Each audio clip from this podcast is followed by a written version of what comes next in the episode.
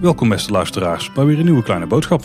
Hey Paul, Hey Tim. zitten we weer aan de stijgerhouten kleine boodschaptafel. Hè? Ja zeker. En we gaan vandaag weer een eh, lijstje doorwerken. Ja, maar we gaan eigenlijk iets, iets doen wat een beetje buiten onze comfortzone ligt, toch? Is dat zo? Ja. Vertel. Nou ja, we gaan het eens een keer niet hebben over de, de harde realiteit, de koude werkelijkheid, de techniek, de, de, de bestemmingsplannen, de regeltjes. We gaan eh, onze fantasie eens de vrije loop eh, laten. Hè? We gaan eens mee in de beleving achter de Eftelingen. Alsof we dat nooit doen. Dit doen we Ja, vaak. gaan, we, gaan, we gaan in deze aflevering wel meer doen, denk ik, dan normaal. Oeh, dan ben ik toch benieuwd hoe jij hem weer hebt ingeschoten. Misschien Oh, ja. compleet anders. Ja, misschien eh, voordat we heel erg wegzweven, misschien goed om even deze aflevering te introduceren. Maar dat laat ik graag aan jou over, Paul, want dit was eh, 100% volledig jouw idee en initiatief. Ja, laten we eens gewoon met de deur in huis vallen. We gaan het vandaag hebben over onze favoriete Efteling karakters. En hoe kom ik daar nou een beetje bij? De aanleiding was eigenlijk onze vorige lijstjesaflevering. Dat was namelijk de aflevering over onze favoriete animatronics. Want toen ik die aan het monteren was, toen besefte ik me dat wij die beide een beetje anders hadden ingeschoten. Zoals wel vaker het Ja, geval. uiteraard. Ja. Ik, had, ik had heel erg gekeken naar eh, de bewegingen, want dat maakt voor mij een animatronic een animatronic. Jij ook heel erg naar de uitstraling, zeg maar. hè. Dus bijvoorbeeld een masker wat was gebruikt en hoe de vormgeving daarvan was en zo. Ja. En toen ging ik daar een paar stapjes door, denk ik. Ik denk van, weet je wat ook tof zou zijn? Als we nou eens door de Efteling heen lopen in gedachten en we gaan onze favoriete karakters langs. Dus het hoeven niet per se alleen animatronics te zijn. Dat kunnen ook gewoon karakters zijn die voorkomen in een verhaal of die misschien eh, rondlopen door het park of zo. Ehm, en, en laten we daar nou eens een lijstje van maken wat, ja, van wat nou echt de favorieten zijn van ons en waarom. En daarom zitten we hier nou. Oké.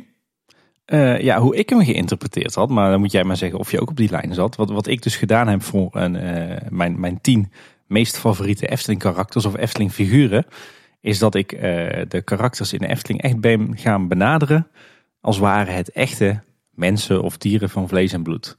Dus niet als animatronics, niet als acteurs, niet als entertainers, niet als een personage, maar echt alsof ze daadwerkelijk bestaan en leven. Ja, kan- ik dacht in eerste instantie, je bent weer een hele andere route opgegaan, maar daar kan ik het toch wel in vinden. Ja, Oké, Ja. en ja, ik weet niet hoe jij jouw favorieten hebt, eh, hebt bepaald, maar ik vond dat in den beginnen toch wel heel lastig. Om, misschien ook omdat het niet mijn eigen idee was om het daarover te gaan hebben, maar ik dacht eerst van ja, je favoriete Efteling karakters, weet je wel, dan heb je van die open deuren zoals die zijn er. Ja. Pardoes, Kleine Boodschap, Langnek, Roodkapje, een beetje de, de figuren die altijd voorbij komen als het gaat over Efteling figuren. Kaap ze niet weg, maar ja. Nee, ja, ja, er staan er ook een paar bij mij op de lijst. Maar ik denk, hoe ga ik nou in vredesnaam bepalen wat mijn favoriete figuren zijn?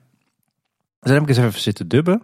En wat, wat bij mij een criterium is geworden is, wat zijn nou die figuren die ik zodanig interessant en intrigerend vind, dat ik er meer van zou willen weten. Meer van zou willen zien. Hm, hm, hm. Dat ik zou hopen dat de Efteling er meer mee zou doen. Hè? Dus eh, dan, dan denk ik aan, eh, hè, we hebben het er al eens eerder over gehad, het Efteling Cinematic Universe. Hè? Mhm. Wat nou als al die figuren in de Efteling tot leven komen en ze gaan samen avonturen beleven. Een beetje zoals eh, bij Marvel en andere avonturen. Sprookjesboom. Films. Inderdaad, zoals Sprookjesboom is daar een voorbeeld van bij de Efteling. Maar ook bijvoorbeeld eh, de stripboeken van Susken en Wiske. Eh Fata Morgana, maar zeker ook de Efteling elfjes. Daar heb je dat ook. Dus ik heb echt zitten denken van ja, eh, wa- wat zijn nou die figuren die ik zo bijzonder en interessant vind. eh, dat ik daar een film van zou, over zou willen zien. Of een tv-serie. Dat ik graag de backstory zou willen weten. Dat het me interessant lijkt om die, juist die figuren andere avonturen te, te zien beleven. in het park of daarbuiten. Waar zou ik nou eens een, een boek over willen lezen of een stripboek. Dus wat zijn nou die figuren binnen de Efteling die ook echt de potentie hebben om meer mee te doen? Want dat is bij mij een beetje mijn, uiteindelijk mijn afwegingskader geweest om maar eens een mooi ambtenarenwoord te, te bepalen. Om te kijken, wat zijn nou mijn favoriete Efteling figuren? Ik kan me daar verrassend goed in vinden. Echt waar? Ja, ik, ik heb het niet per se zo aangepakt, maar als ik een beetje kijk naar mijn lijstje, dan komt het wel daarop neer, denk ik. Ja, dan kan ik me daar wel in vinden. Ik denk wat bij mij ook nog wel heeft meegespeeld, is dat je van die eh, karakters hebt die wel een soort van, eh, ja, waar je een soort van intrinsieke interesses over hebt, weet je wel, of, of, of waardering.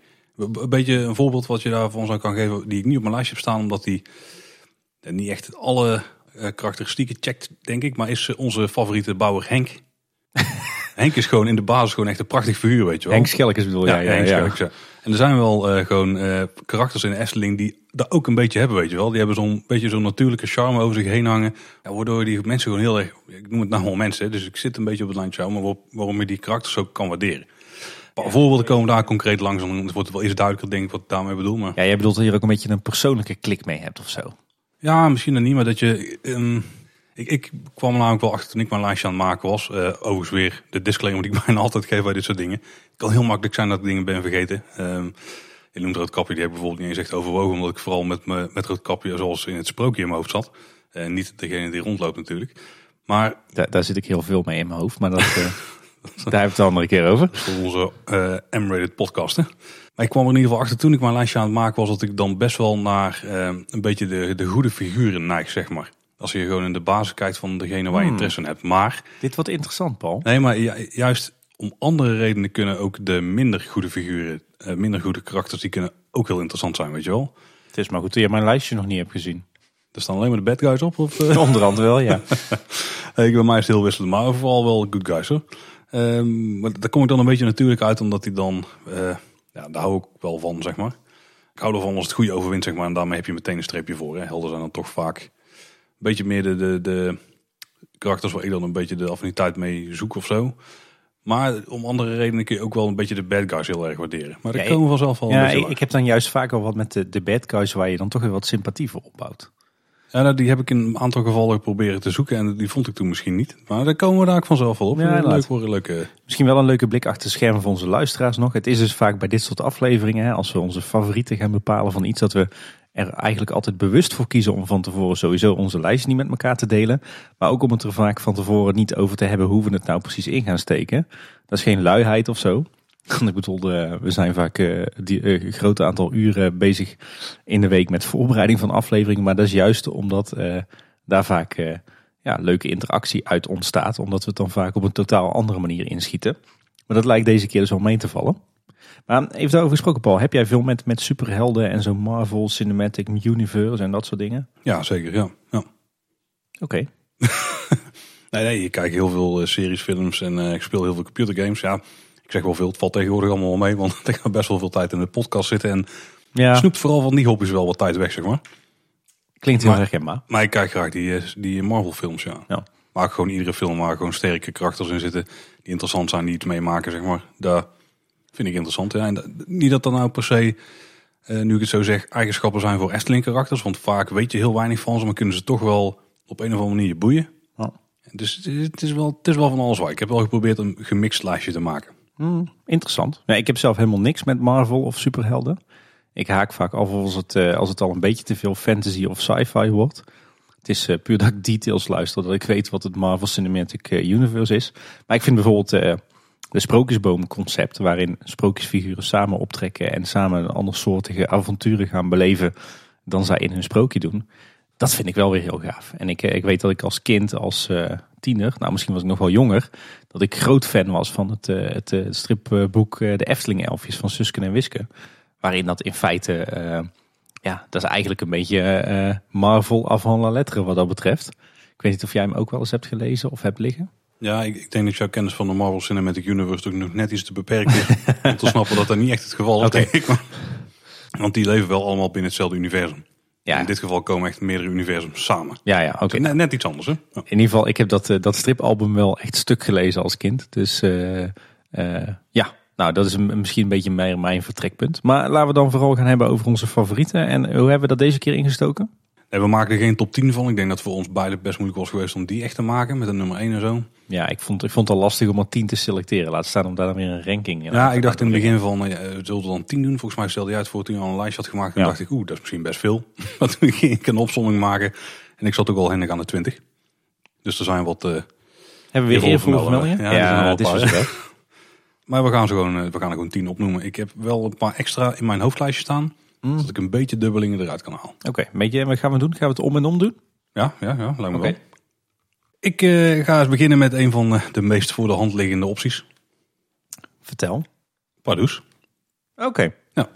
Eh Pardoes en dan met name de huidige iteratie van het rondloopfiguur. Dus niet eens degene die in de attractie voorkomt. Die is op een paar punten namelijk best een beetje creepy, denk ik. Vooral degene die daar tussen de bosjes zitten en wild staat te zwaaien, zeg maar. De, om een of andere reden de uitdrukking daar het masker, die vind ik niet zo, eh, niet zo tof. Degene die dus rondloopt, die is qua vormgeving echt heel goed. En hangt zo'n lekkere zo'n positieve sfeer omheen, weet je wel. Het is daar niet eens dat hij een beetje de held is, want ik moet eerlijk zeggen dat ik die eh, achtergrondverhalen ken ik wel gewoon op grote lijnen, zeg maar. Maar in detail heb ik die serie nog nooit gekeken, de boeken nooit gelezen, et cetera. Eh, maar gewoon, mijn Paducci die straalt altijd de positiviteit uit. En ik vind het wel knap hoe ze dat bij dat karakter dus doen voor een, voor een karakter wat er rondloopt. Die niet praat verder. Het zit daar ook heel erg in eh, beweging en zo, weet je wel. Je- hij, kan het niet hebben van zijn mimiek, want de masker is gewoon hoe het is. Ik vind het masker wel heel goed trouwens, want het is eh, niet te, te vrolijk, kitscherig zeg maar. Maar het is wel gewoon duidelijk vrolijk, maar niet te. De, de- die balans in dat masker is gewoon best goed. Met die basisuitdrukking en de bewegingen, daardoor ja, voel je wel echt dat het Pardoes is, zeg maar. Weet je wel. De mensen die Pardoes eh, spelen, dat mag je natuurlijk niet zeggen, want dat doorbreekt de magie. Maar die eh, zijn er wel goed in getraind. Ja. Echt eh, de... Ja, je weet wat ik bedoel. hè. Als het op Ja, het podium ja. staat en dan komen wat kinderen bij en zo. En de manier waarop het allemaal wordt omgegaan is gewoon een, een, een goede... eh, Geeft een goede invulling aan wat dat karakter volgens mij is. Of in ieder geval, ik, ik stel me daar dan meteen dingen bij voor. Niet eens echt gebaseerd op de verhalen die eromheen hangen.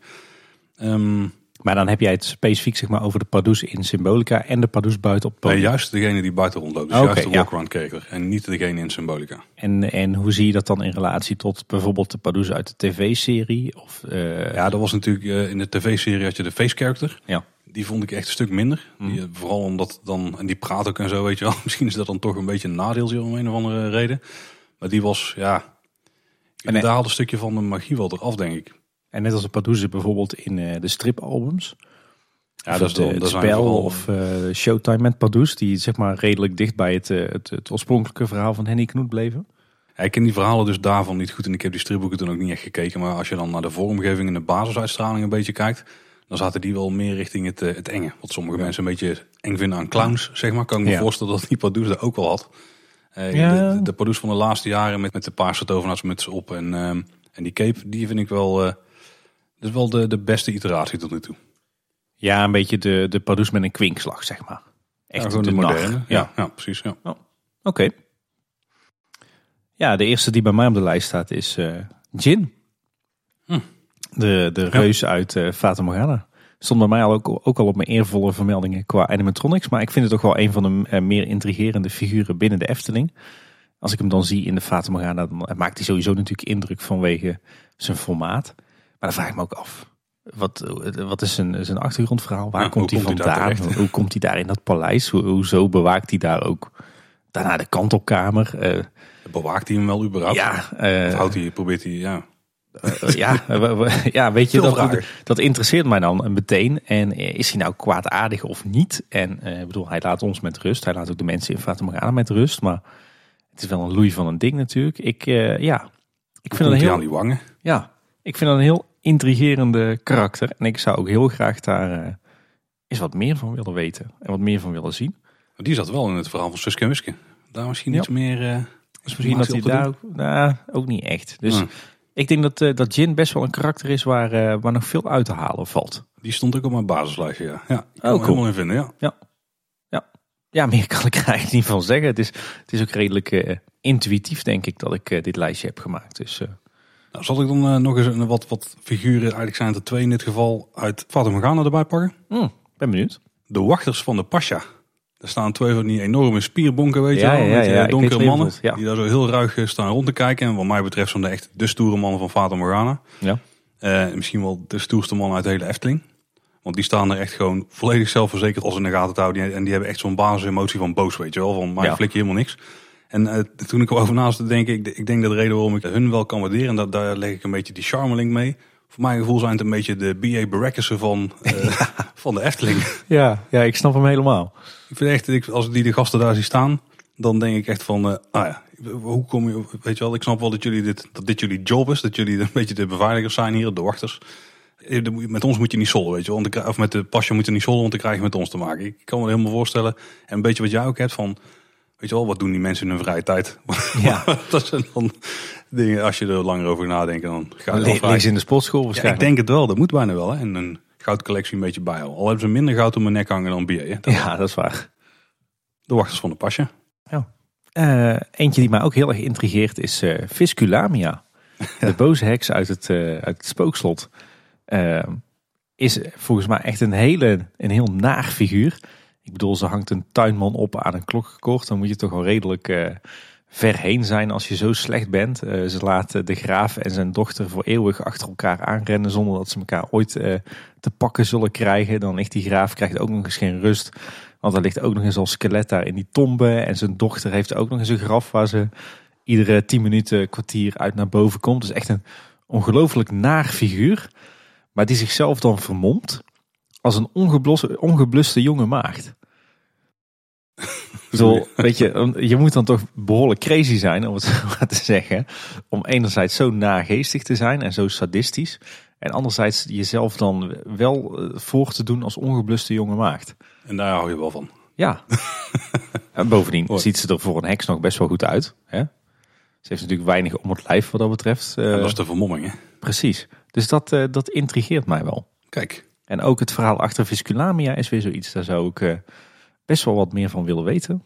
En ja, ik denk dat zij ook best wel een, een leuke rol zou kunnen spelen in om het even wat voor film of tv-serie. als een beetje een soort anti-held, zeg maar. Hmm. Oké.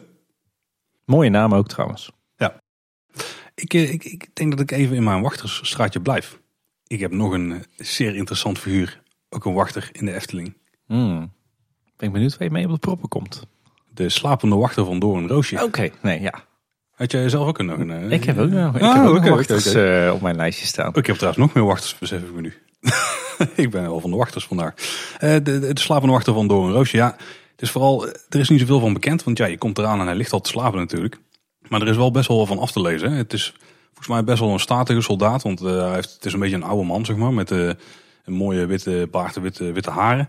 Als je hem daar zo ziet liggen en als je een beetje voorstelt dat die zou opstaan, volgens mij moet je er ook niet mee sollen. Nee. Maar hij is ook wel zo'n zo'n baasje waar je dan uh, ver vandaan moet blijven als je slechte dingen in je zin hebt. En het is volgens mij ook zo'n ridder die dan al decennia lang die familie van de koning beschermt.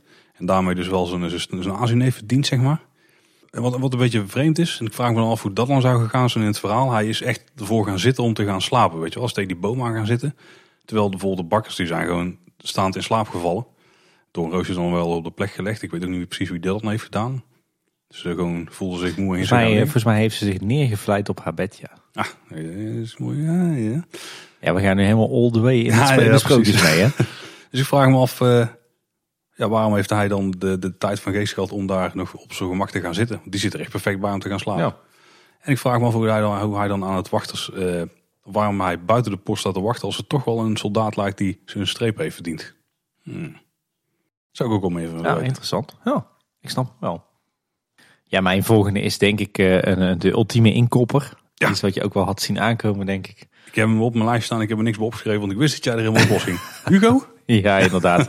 ja, misschien wel de nummer één Efteling figuur. Meest intrigerende figuur. Uh, nou goed, geen iconisch figuur zoals een Patoes of een, uh, of een Roodkapje van Langnek misschien. Maar ja, voor mij misschien wel de meest intrigerende, interessante personage in de wereld van de Efteling.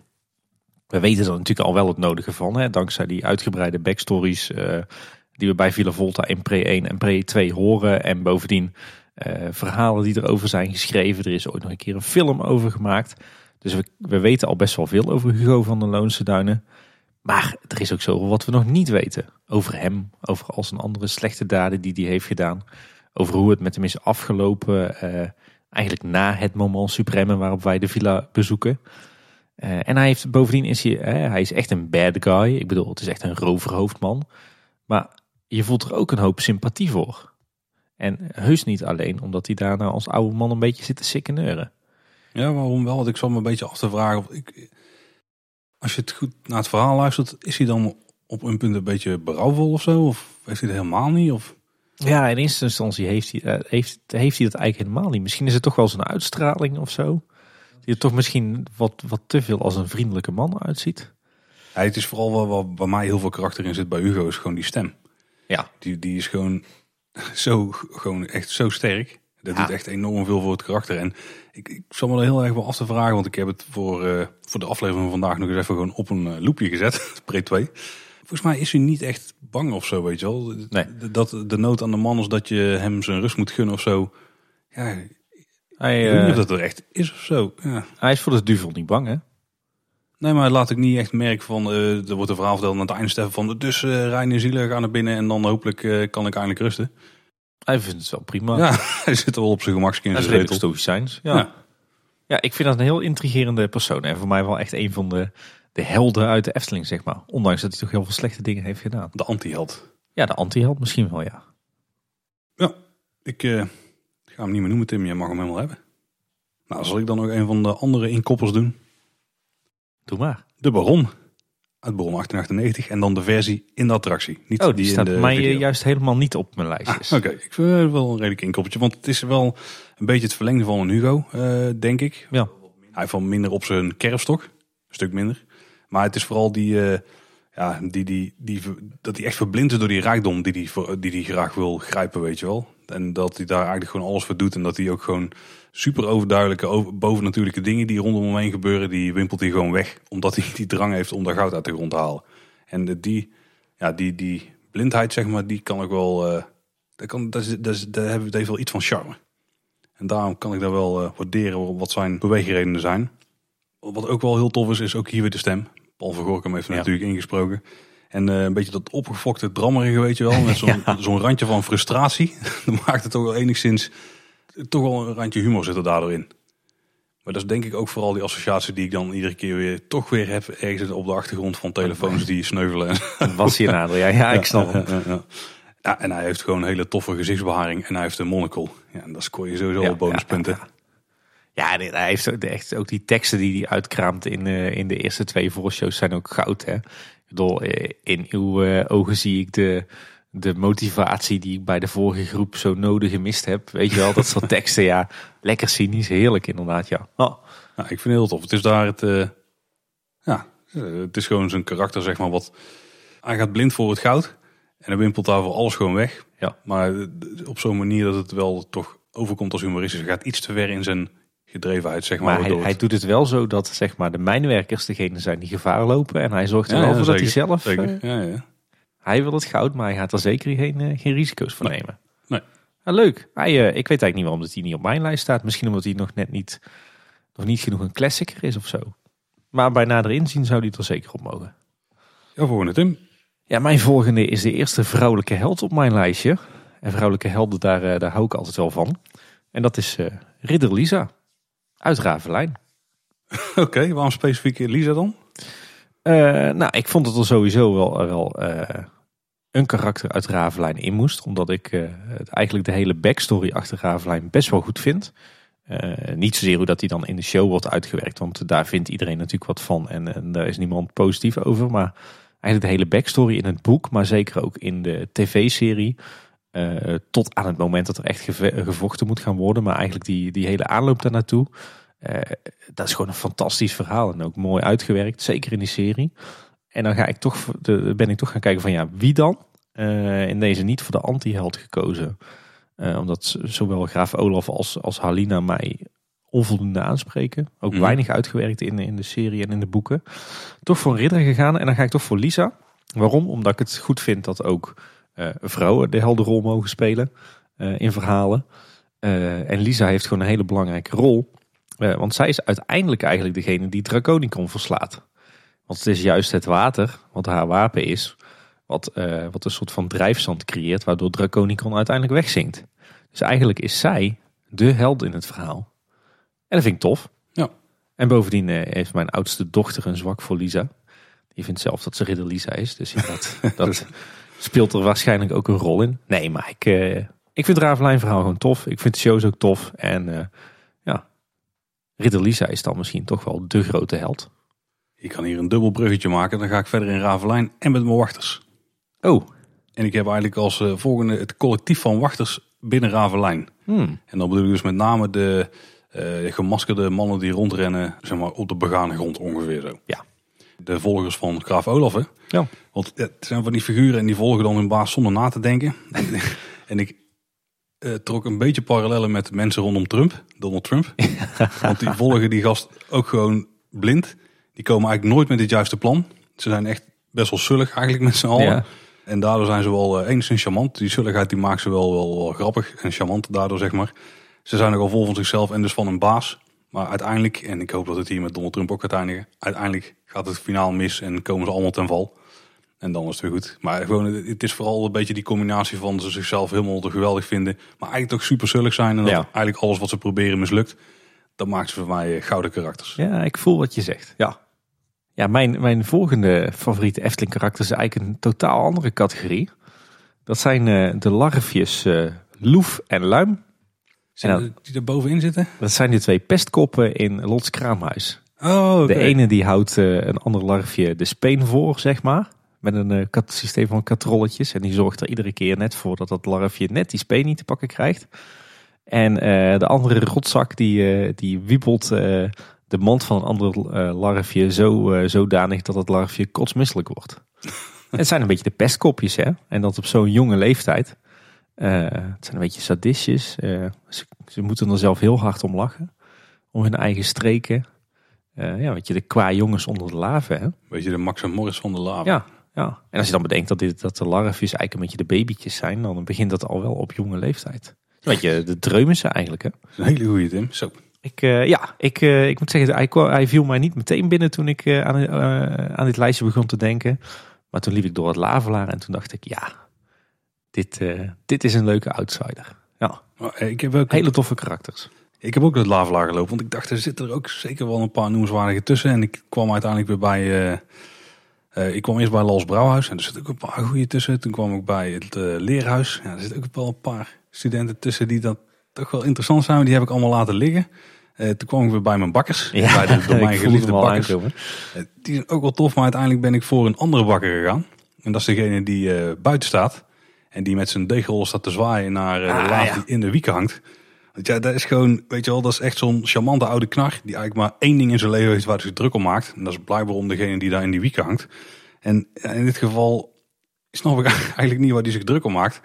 Want ja, die kerel die vindt het echt niet leuk om daar in die wieken te hangen. Dus als je nou gewoon jezelf niet zo druk maakt en je gaat gewoon weg, dan komt hij er vanzelf waarschijnlijk wel uit. Maar ik denk dat hij liever in die wieken hangt dan dat hij een eh deegrol in zijn nek heeft hangen. Ja, Ik denk dat dat de reden is dat hij erboven staat. Maar hij staat zich daar gewoon zo mooi op te winden. om helemaal niks eigenlijk. Ik weet niet wat er aan vooraf is gegaan natuurlijk. Hè. Interessant verhaal. Interessant, ja, ja. En eh, daarom is dat oude baasje wel een van mijn favoriete karakters van de Efteling. Ja, die scène is wel echt goud, ja. Wat dat betreft is wel zonde dat hij zo vaak stilstaat. Want dan verliest hij natuurlijk meteen eh, een hoop aan kracht. Maar eh, ja, ik snap wat je bedoelt. Ja. Get of my lawn. Zo'n oude het. Ja, en dan ben ik eh, halverwege mijn lijstje volgens mij. En dan duik ik toch het sprookjesbos in. Om daar niet meer uit te komen deze aflevering. Tenminste, voor wat betreft mijn, eh, mijn tien favoriete karakters. Mhm. En het eerste karakter, ja, daar is ze dan toch. Is Roodkapje. Ja.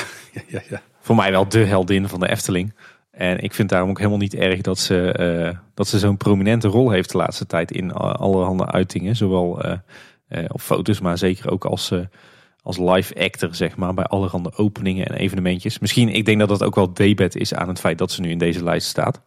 Ja, ik vind het wel tof dat eigenlijk een, een heel, een ongelooflijk bekend sprookje, heel generiek. Hè, het is geen sprookje van de Efteling, het is gewoon een, een sprookje van eh Charles eh, zeg ik even uit mijn hoofd.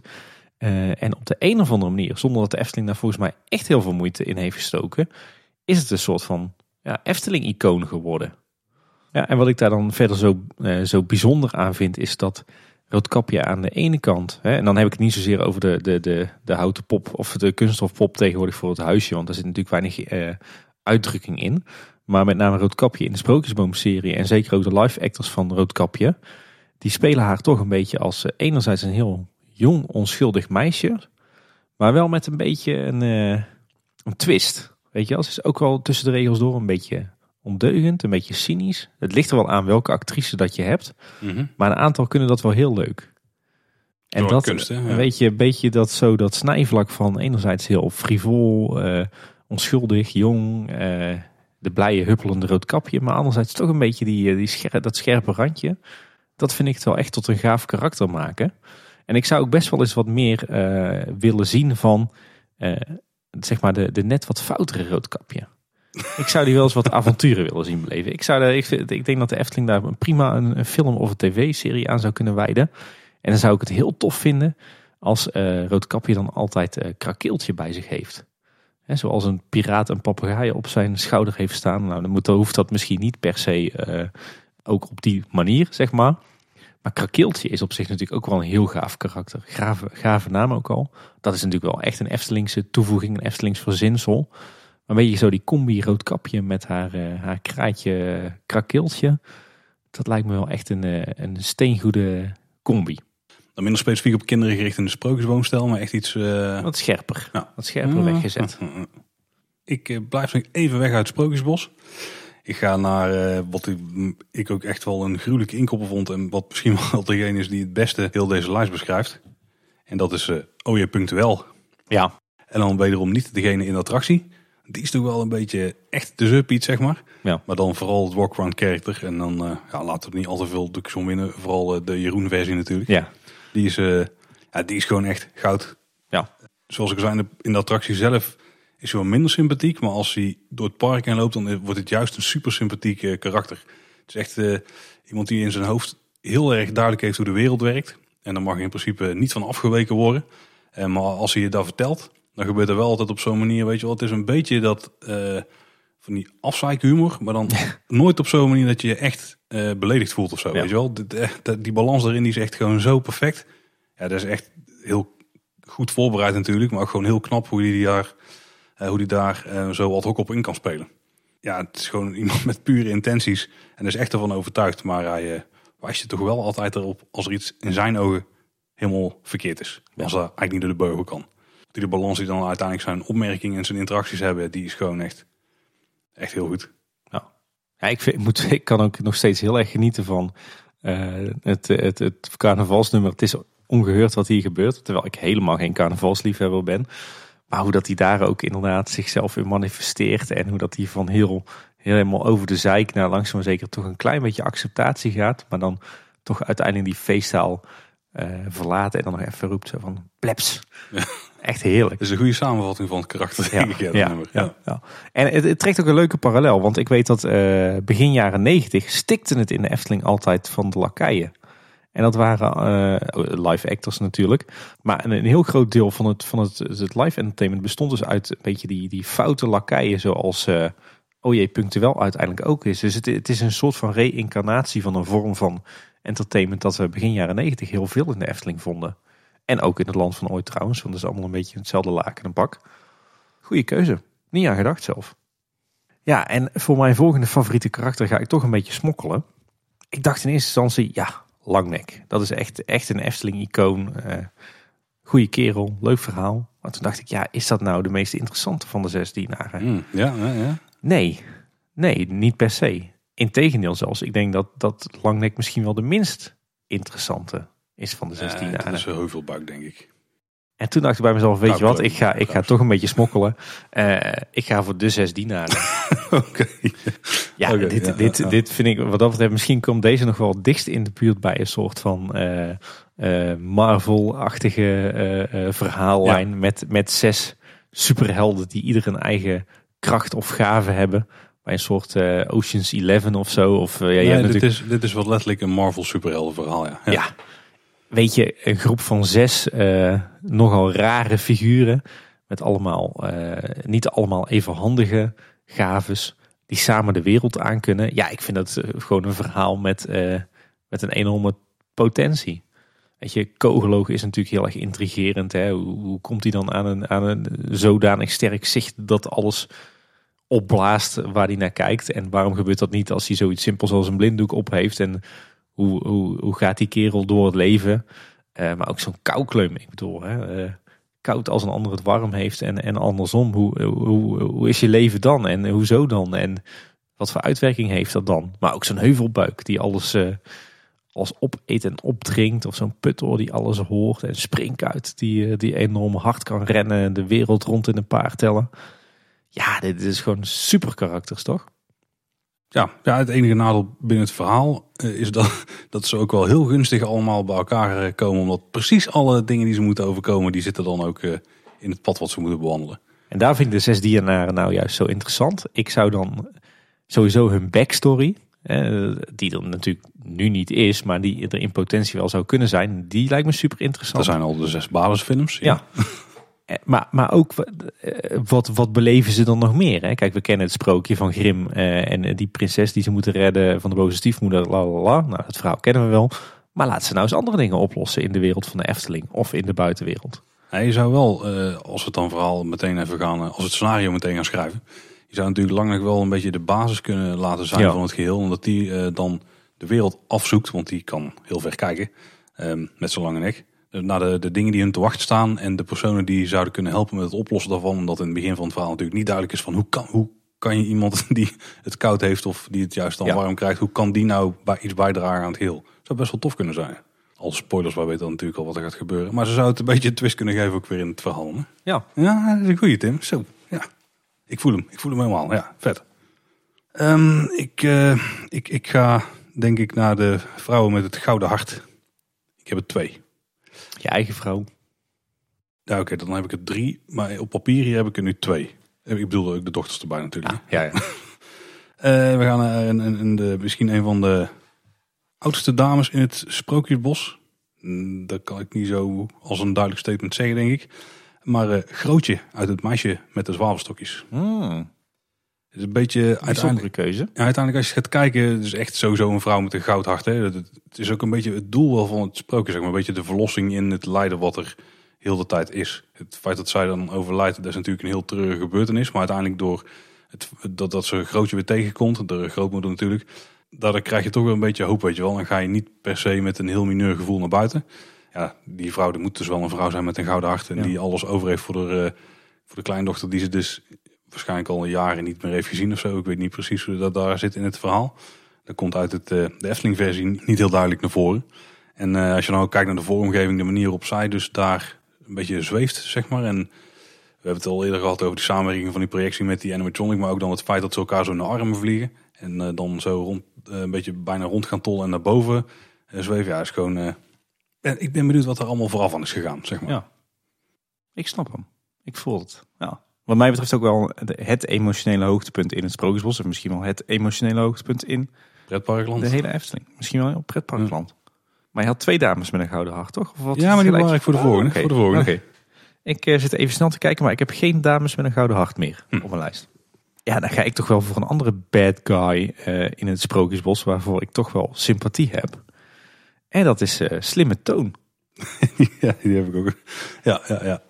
Ja, eh, ik ga er even vanuit dat onze luisteraars het sprookje kennen. Maar ja, het, het is eigenlijk maar een klein opdondertje. Is een heel venijnig opdondertje eigenlijk. Wel slim. Sluw misschien eerder. Ja, het is gewoon, ja, het is gewoon een beetje zo'n chakeraartje. Ja, maar, maar uiteindelijk is hij dan toch weer niet zo slim dat hij ermee wegkomt. Want uiteindelijk heeft de tovenaar maar al te goed door. Ja, ik voel, ja, ja, slimme toon is echt een goeie, ja. Ja, en Het is ook, ook wel- hier weer, ja, wat, eh, hoezo slimme toon? Waar komt hij vandaan? Wat heeft hij geflikt? Hoe komt hij bij die tovenaar binnen? Wat, wat beleeft hij nog meer voor avonturen? Dit is voor mij een karakter met zoveel eh, potentie. En het is ook wel een afwijking hè, ten opzichte van de rest van de karakters die je in de Efteling vindt. En dat hij daarom ook wel automatisch wat meer naar boven komt in het lijstje. Ja, hij is ook niet zo prominent. Hè? Die, aan heel veel van die andere karakters die we nu hebben genoemd zijn prominent. Of in de uitingen van de Efteling of gewoon in grote. Maar slimme toon is eigenlijk maar heel klein, minimaal op de achtergrond. Ja, het mooie is dat we die, eh, volgens mij hebben we alle twee een keer aangehaald, dat we het heel leuk vinden of heel fijn vinden om gewoon daar te gaan zitten en te luisteren naar het verhaal Ja, van de, de Maakse Klok. En de slimme toon is wel veruit het meest interessante karakter in het hele verhaal ja daar. absoluut. Ja. ja, mooiste plekje in de Efteling. Hè? Dat, dat, dat telt natuurlijk ook zeker mee. herhaald, Ja. Eh, ja, dus ja, wat kan ik er meer van zeggen? Ja, gewoon een, een figuur wat mij echt intrigeert. Slimme toon. Ja, mijn eh, tweede vrouw met een gouden hartje, dat is eh, Rita van vrouw Holle. Oh ja, ja, ja, ja, daar heb ik ook nog een tijdje aan zitten denken. Sterker ja, nog, die, ik voel hem die meteen. is uiteindelijk aan het eind van het sprookje ook letterlijk goud. Ja, Of misschien een beetje in Ja. het midden van het sprookje. Eh, maar dat, dat, dat is misschien wel het meest gouden hart binnen de hele Efteling. Ook wel Ja. een beetje naïef. Ja. Want ze helpt gewoon iedereen die maar een vraag heeft mee met de, de problemen die ze hebben, zeg maar. beetje, beetje blond ook, denk ik. Ja, dat denk ik wel. Ja, goudblond hè. Ja. Uiteindelijk, ja, ja. Ehm, maar ja, het is gewoon weer een van die, van die hele ja, pure karakters. Hè. Die, die kan in principe niks fout doen. En gelukkig komt ze ook niet in situaties waarin er haar iets fout overkomt. Sterker nog, ze, er overkomen haar alleen maar goede dingen. Nou ja, de thuissituatie is niet zo rooskleurig, hè? Nee, maar uiteindelijk als ze terugkomt, dan is die wel toch gefixt. Ja. Omdat daar eh, flink wat eh, knaken terecht zijn gekomen in één keer. Dus de dag gaat dat dat dan vanaf valt, daar was wel wel waard. Ehm, en eh, ja, gewoon een fijn verhaal waarin, waarin het uiteindelijk allemaal goed met de komt natuurlijk. Maar Ja. wel vaker met sprookjes. Maar eh, Rita is gewoon, ja, Ik snap hem helemaal. Ja, Mina is dan eh, niet een van mijn favoriete karakters. dat is, dat is zo'n anti-favoriet karakter. Ja. Die zou ver onderaan staan, denk ik. En misschien dat... eh, dat Ook Dat- geen anti-held, maar dat is omdat ze echt zo mee, ze heeft gewoon niks waar je sympathie voor kunt nee, hebben. absoluut niet. Nee, dat is het. Ja, dat is het precies. Ik denk dat die tegenpolen in eh, dat sprookje het ook wel heel erg, heel erg voor zorgt dat Rita dan daardoor weer een paar trapjes hoger Ja. komt staan. Maar waarom dan wel Rita en niet, niet Assepoester? Omdat Assepoes er ook wel een beetje met geluk doorheen valt, zeg maar. Ja, dat is Die waar. wordt een beetje in een situatie ja, geplaatst, ja, terwijl. Rita het zelf Je moet voor elkaar bokst. Oh. Oké. Nou, ik, ga er, ik heb er eentje van jou gejat, eh, Paul. Want ik heb eh, mijn volgende favoriete karakter, ja, eigenlijk ook weer gesmokkeld. Twee karakters. Dat zijn de, de wachters van de Indische waterlelies. Nee, dat heb je niet gehad van mij. Nou ja, een beetje het Wel. Ja, ja, ja, ja. Oh ja, ja, ja, ja, zo. Die heb ik helemaal niet eens. Ja, dat is goeie, ja. Ja, weet je, iedere keer als ik op dat plein kom, dan denk ik van, oh, wat zou het toch vet zijn als die wachters ineens van hun sokkel afstappen met die grote knotsen en ze gaan eens even flink huishouden. En eh, Deze en Suske en ja, precies, dat is ook wel een beetje, eh, ik denk, het voorbeeld uit, eh, of eigenlijk de link met, met het eh, De Efteling Elfjes van Susken en Wiske. Wat ik dus echt heb stuk gelezen als kind. Ja, daar spelen die wachters zo'n belangrijke rol in. Daarin zijn het wel de bad guys, maar ik vind het in hun huidige vorm nou niet echt duidelijk of het nou de good guys of de bad guys zijn. Ze zijn vooral, ze zien er gewoon heel gaaf uit, heel indrukwekkend. Eh, een beetje dat, dat Indische, hè. Maar ik, ja, ik ben verder, weet je er eigenlijk gewoon niks van. Wie zijn zij? Wat doen zij hè, buiten het bewaken van dit paleis? Wat is zie, jij, zie jij ze als standbeeld of zie jij ze als eh, levende karakters? zeg ik zie ze als levende karakters. ik heb ze altijd wel gezien als standbeelden. Dat is natuurlijk vreemd omdat die stem van eh, Tom van der Ven eruit komt. Ja, en de ogen bewegen. Ja, Nee, voor mij zijn dit wel levende, levende figuren. Oké. Hm. Dus ik ben, ik, het heeft mij altijd geïntrigeerd van, wat, wat, wat, wat, wat, wat zijn hun karakters nou? Wat, wat, ja, hoe denken zij? Wat doen ze? Wat, Is een tweeling? Ja, nou ja, dat soort dingen. En in, de. Efteling elfjes wordt dat een bepaalde richting opgedwongen. Maar ik denk dat ook, ook zij zeker wel potentie hebben in een beetje zo dat actiehelden film eh, zeg maar. Een beetje als de hulk van het geheel. Beetje stoer, beetje, beetje ruig. eh, misschien een beetje tikkie dommig of zo. Beetje lomp. Ja, dus ja, ja, een beetje de lompe de hulkige, wat ik al zei. Ja. Ja, daar zeg je niks natuurlijk. Nee. Is de Dat is groen hele grote groene. Ja, Ja, precies. Ja, zover, zover kwam ik nog wel. Maar eh, ja, vandaar. Ja, ik zit nou dus wel bij mijn nummer 10. En ik eh, heb er nog twee op mijn lijstje staan. Dan moet ik gaan kiezen. Heb je maar twee eervolle vermeldingen? Nee, ik Of- heb heel veel eervolle Oh, vermeldingen, maar deze twee die stonden nog op de hoofdlijst. Dan ehm, ga ik toch voor de statige stuurman. Die we eigenlijk alleen maar zien tijdens het entertainment bij het Negenpleinenfestijn. Hmm. En daarbij is het denk ik vooral... eh, Ik krijg niet echt superveel idee van zijn karakter. Het is natuurlijk een van die levende standbeelden. Hè? Ja. Ja. die, die best wel levendig is voor een levend standbeeld. Het is denk ik vooral door de beperkingen die zo'n karakter wordt opgelegd. Dat je, dat je daardoor wat extra, extra randje mysterie krijgt. En dat het daardoor zo interessant is. Want die praat wederom niet. Misschien een beetje overeenkomst met Pardoes. Het is vooral ja, dat hij uiteindelijk gewoon een hele toffe interactie heeft met het publiek. En dat hij echt wel eens van een lolletje trappen, weet je wel. En ik, ik kan me een beetje moeilijk voorstellen wat het algemene verhaal er is. Ik heb ook nooit zo in verdiept, want ik kijk daar, ik kijk daar redelijk oppervlakkig naar, denk ik. In tegenstelling tot sommige mensen die er veel meer fan van zijn. Maar ja, hij doet heel veel met de mimiek. Moet ik wel, je kunt verder niks Ja. zeggen. Dat is echt wel heel knap. Dat was vroeger ook een Jeroen Verheij karakter. Ja, ja, klopt. Maar de mensen die het tegenwoordig doen, die zijn ook echt enorm goed daarin. En dat moet ook wel daarbij, want anders kun je gewoon niet duidelijk maken wat je doet. Maar het, is vooral de manier eh, waarop die, waarop die ja, ook weer, weer- toch weer een beetje die bezoekers in de zaak worden gezet. Of dat daarmee gespeeld wordt, zeg maar. Een beetje jammer dat sommige bezoekers daar niet heel erg eh, netjes mee omgaan altijd. Maar Nee. Ja, je kan, er wel, eh, kan het wel waarderen. Ja. Oké. Ja, mijn nummer 10 is eigenlijk een hele beroepsgroep. Oh jee. En eh, dat zijn eh, de heksen van de Efteling. Oh, ik dacht je gaat alle medewerkers noemen. Ja, daar zitten ook wat karakters tussen hoor. Soms ook karakter. Nee, wat, wat, ik, wat ik zo leuk vind in de, de Efteling, en dan vooral natuurlijk in het Sprookjesbos. Ja goed, we hebben Visculamia al gehad, dus volgens mij hebben we het dan eigenlijk over de heksen van het Sprookjesbos. Is er is zo'n variëteit aan heksen. De boze vee van Don Roosje schaar ik daar even wel onder. Mhm. De heks van Raponsje, de heks van Hansegrietje, eh de boze stiefmoeder van Sneeuwwitje, de heks van de Indische waterlelies. Maar ook die twee heksen op de heksenpoort bij de ingang van het Sprookjesbos. Ja, wat, wat is er nou gaver dan dat al die heksen tot leven komen. Met ieder hun eigen karakter, hun eigen specialiteit, hun eigen kledingstijl. En dat die samen optrekken in een soort verbond van de heksen van het Efteling Sprookjesbos. Je hebt wel heel erg je favoriete potentiële mashups. Ja, ja, ik, ja sorry. Ik, vind- ik vind dat blijkbaar toch leuker dan dat ik zelf dacht. Maar nee, dat lijkt me echt super gaaf. En dan, toch, toch eens die Marvel films gaan kijken. ja, misschien is dat wel een aanrader, ja. Ja, nee, lijkt me super vet.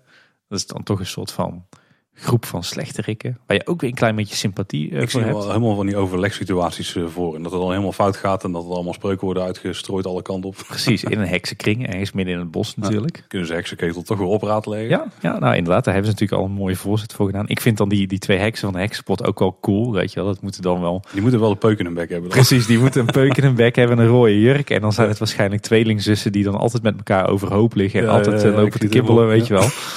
Weet je, en sommige, zijn, sommige heksen zijn gewoon echt door en door slecht. Maar andere zijn ook weer een beetje, een beetje knullig. Hè? De, de, heks van Hans Rietje in de Sprookjesboom-serie, die is natuurlijk, die doet... eh, ja, die is half blind en, eh, en die snapt er niks meer van. Die is half dement en die doet alles fout. Maar eh, ja, je hebt hier natuurlijk een variëteit aan heksen. eh, die ieder hun eigen karakter kunt geven. En eh, ja, ik zie daar wel, eh, wel wat eh, uit ontstaan. Misschien Ja. moet je daar Visculamia dan ook eh, maar op aanhaken. Ja, dat is dan wel een beetje de terrorleider van het geheel. ja, precies. Ja, nee, ja. Ik vind het super gaaf dat er eigenlijk zo'n eh, witch squad is in de Efteling. Ik zie het helemaal voor me inderdaad. En ik heb altijd, ik heb altijd gewoon überhaupt het personage van de heks en verhalen over heksen eh, heb ik altijd gewoon eh, super gaaf gevonden, ook als kind. Dus eh, het fenomeen heks, dat intrigeert mij wel. Ja. En de Efteling heeft er toevallig eh, heel veel. Ja, die hebben een flinke bonte verzameling. Eens even toch naar wat eervolle vermeldingen gaan? Kan Ja. niet zo'n aflevering met lijstjes zonder eervolle Ja, vermeldingen. precies. Eh, de, degene die net er vanaf was gevallen bij mij was Klaas Vaak als walkaround character. Die eh kerel, je hebt volgens mij één acteur die, kan, die is ook zo goed. En die heeft natuurlijk al die standaard reeltjes erin zitten. Maar die interacties die wij dan één of twee keer met hem hebben gehad, die waren echt, echt heel sterk. Die zijn ook best wel bijgebleven. Daar denk je nog wel eens, eh, wel eens aan, zeg maar. Mhm. Kleine boodschap, zoals jij zelf al noemde, heeft ook wel te maken met hetgene wat wij hier nu aan het doen Ja, zijn, denk ja. ik. Maar ook gewoon, dat is echt zo'n figuur ze naar de rand een verhaal bij hebben geschreven, maar dat kan gewoon niet het echte verhaal Nee. zijn. Die zit daar gewoon, er zit veel meer achter, zeg maar. Dat zou ik wel willen weten. Hij eh, staat bij mij als eh, nummer één eervolle vermelding op de lijst. inderdaad. Het, eh, het publiek bij de nieuwe kleren van de keizer, die daar de keizer uitlachen met z'n allen. Die Ja, eigenlijk, ja, ja, dat is ja. eigenlijk toch wel een beetje de helft van het verhaal, denk ik. Eh, dat is niet eens degene die hem, die, dat zijn niet eens die klerenmakers. Ja, daar, daar, dat maakt het sprookje wel het feit dat, dat hij flink wordt uitgelachen en eh, dat daar, ja, nou, mooi. Ehm, ja, ik, ik denk wel, ik heb ook een collectief en het collectief van de Hollebolle Gijzen. Oh, helemaal niet aan gedacht, maar absoluut. Ja, de familie Gijs. Ja, ik zal niet denken, moet ik er eentje uitpikken en die dan in mijn hoofdlijst zetten. Maar ik het collectief, eh daar zit ook wel wat potentie in. Ja, zeker, zeker. Zeker voor jouw eh cinematic of eh, Efteling Universe-achtige zaken. Ehm, Elisa was er ook net van afgevallen, maar die had ik eigenlijk als animatronical aangehaald. Ja. Vandaar dat het niet heeft gehaald. Maar ja, het is een vrouwelijke held eh, die alles ervoor over heeft om het broertje te redden. Dus dat mag wel een eervolle Ja, vermelding zeker. zijn. Ehm, maar, ik- maar ik denk niet dat ze, dat ze uiteindelijk toch stand houdt en een heel sterk karakter gaat worden, zeg maar. Met wat zit er nog achter, Nee, we ja. weten alles wel Ja. eigenlijk. Ehm, de kalif in Fata Morgana. Oh ja, dat is ook zo mysterieuze wel, ja. Ik weet niet of dat, dat... Voor mijn gevoel is er eentje die op meerdere plekken tegenkomt. Ja, ik heb altijd Ook- gedacht dat het er drie zijn. Ja, dus ook, dus daar, eh, er zit ook nog wel wat achter. Ik denk verhaaltechnisch dat er wel gewoon eentje is, hoor. Ja, dat denk ik ook, ja. Ehm, Draconicon, uit Ravelijn natuurlijk, Ja. die af en toe niet werkt. Maar ja, wat doet die in zijn vrije tijd bijvoorbeeld? Is het echt een mechanisch eh, iets of is het gewoon echt een dier? Dat zijn dan vragen die, ik me wel stel. Langnek heb jij net al aangehaald, maar die mag zeker niet op het lijstje eh, ontbreken. En de Trollenkoning. Ja, Want ook daar zit wel veel meer achter, achter die oude baas die daar zit te ratelen op zijn stoeltje. En ons, eh, denk ik, voor van alles uitmaakt en als dom verklaart. En die ook wel weet hoe het werkt in de wereld. mooie lijst eh, eervolle vermeldingen. Ja, dan zal ik die van mij dan gelijk achteraan Ja, lopen? zeker, zeker. Ja, bij mij op met stip op één natuurlijk kleine boodschap. Eh, heel gaaf dat, eh, dat dat eigenlijk zo'n icoon is geworden, hè, samen met Langnek en Pardoes voor de Efteling. In de vroege jaren natuurlijk, terwijl ja, hij had eigenlijk nooit echt een backstory. En nu heeft hij er wel eentje, maar ja, dat, dat had om het even voor ieder ander figuur geschreven Mhm. kunnen zijn. wat je al zegt, heel intrigerend van wie is hij dan en wat doet hij dan? Is het gewoon een kabouter? Eh, En waarom heeft hij die drang om continu kleine boodschap ja, te roepen? precies. En, eh, En waarom ja, doet hij eigenlijk zijn duim omhoog? Ja. Willy Lifter, ja. ja. Maar heel tof dat, dat het dan juist die figuur eh, zo lang eigenlijk eh, de icoon is geweest. of het Van icoon het park, Efteling. ja. En hij houdt ons toch ook alweer een, een aflevering of 130 op de rit. Hè? Ja, wie weet wanneer dit uitkomt. Ja. ja. Ehm Pardoes staat bij mij, mag zeker niet ontbreken. Maar terwijl ik zo naar jouw verhaal luisterde, denk ik, ik ga hem specifieker maken. Het is voor mij de oude Pardoes. De Pardoes uit de originele verhalen van Henny Knoet. Eh, Ja, dus de nachtmerrieproduce. Nou, dan zeg maar de, de Pardoes nog van voor de, de tv-serie en de stripboeken. Echt de, de Pardoes uit het verhaal met wel een pantagoor en een rattar, eh, een De bleekwitte. paddeltje. Ja, die ja. Ja. Niet zozeer de uitbeelding, maar wel het verhaal erachter. Mhm. Dat was vroeger toch een stuk transparanter. En eh, ik heb dat dan misschien ook wel met Pantagor. Pantagor vind ik dan eigenlijk als hè, het, eh, het tegenovergestelde van Pardoes. De, de, de donkere, zwarte, duistere tegenspeler van Pardoes. Vind ik dan toch ook wel een intrigerend figuur. En ik vind nog, vind nog steeds jammer dat ze niet dat originele verhaal van Henny Knoet gepakt hebben. En die, die strijd tussen Pantagor en Pardoes bij eh, Symbolica. Ik kan van Pantagor niet echt een voorstelling maken. Maar is daar ook eh, een beetje zo'n baron van Bassin Adriaan type? Een beetje zeg maar eh, puur slecht, maar net niet capabel genoeg om alles goed voor elkaar te krijgen? Ja. Of is het, Ja, ja ik, moet, ik moest altijd denken aan Crimson uit Susken en Wiske. ja, ja, zo'n figuur. ja, die is wel iets capabel nog dan Ja, heeft, ik denk dat dat een beetje de lijn is waar je Pantagor ook in Oké, oké, oké. ja, ja. Als, vind ik, als je het hebt over de uitvoering van Pardoes, dan vind ik nog steeds de, de Pardoes de tovenaar met die, eh die hermelijnen mantel en zo. Die, dat vind ik nog steeds wel de, me, de, de meest gave uitvoering. Dat is de huidige toch gewoon? Ja, ja, dat is weer de dolvertaling daarvan. Ja. Ja, en dan heb ik nog een paar van die groepjes. Eh, want ik vind de draken als eh, squad toch ook wel interessant. Eh, we hebben natuurlijk Draak Licht geraakt in Sprookjesbos. de Draak van Carnaval Festival, Draconicon en Etna. Interessant wat je daar misschien mee kunt. Niet zo sterk als de heksen, omdat deze toch allemaal totaal anders zijn. Ik bedoel, je hebt een hele cartoony draak, een hele ja, bijna biologisch correcte draak, en een mechanische draak en een, kapotte draak. Ja, maar het eh, heeft wel potentie, een beetje met dezelfde gedachte als die heksen. En ik heb dat ook met de wolven. Ja. De wolf van de zeven geitjes en de wolf van Roodkapje. Zijn dat beste maten? Zijn dat broers? Zijn dat concurrenten? Draagt die wolf van Roodkapje ook een pak in zijn vrije tijd? Of is het een en dezelfde wolf? Ja, dat hebben we, ja. ja. En eh, de, op zich, die, die twee zitten ook in eh, het stripboek De Efteling Elfjes. Dus daar heb ik hem ook wel een beetje uit geleend. Maar ik vind dat misschien nog wel interessantere dan de draken. Ik denk niet dat het dezelfde wolf is, want ze komen alle twee aan, het eind, aan een einde aan het eind van het sprookje. Dus dan kan dat niet. Het zijn allebei wel een beetje sulletjes. Het zijn, Parallele universum ja, misschien. het zijn allebei wel een beetje sulletjes. Maar toch weer bedreigend. Dus wel weer op een manier capabel. Dus ik vind dat wel hele interessante karakters. Eentje in het rijtje Hugo en Baron 1898. Dan vind ik dat Willem van der Dekken ook niet mag ontbreken. Ja, daar vind ik dus, die heeft dus nergens sympathie, vind ik. Misschien vind jij dat wel, maar daar, Ja, vind ik ben ik nu benieuwd naar. Vertel, vertel. eh, is, is eigenlijk niet, niet per definitie slecht. Hè? Ik bedoel, hij wil gewoon gaan varen.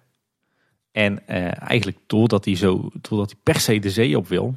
En niet, eh, niet kijkt naar wat een christelijke feestdag is of niet. Daardoor belandt hij in de ellende. Maar in de basis is Willem van der Dekken gewoon een avontuurlijke kaperkapitein. Het is vooral het absoluut niet advies van anderen willen opvolgen, wat dan een stukje zo wat die...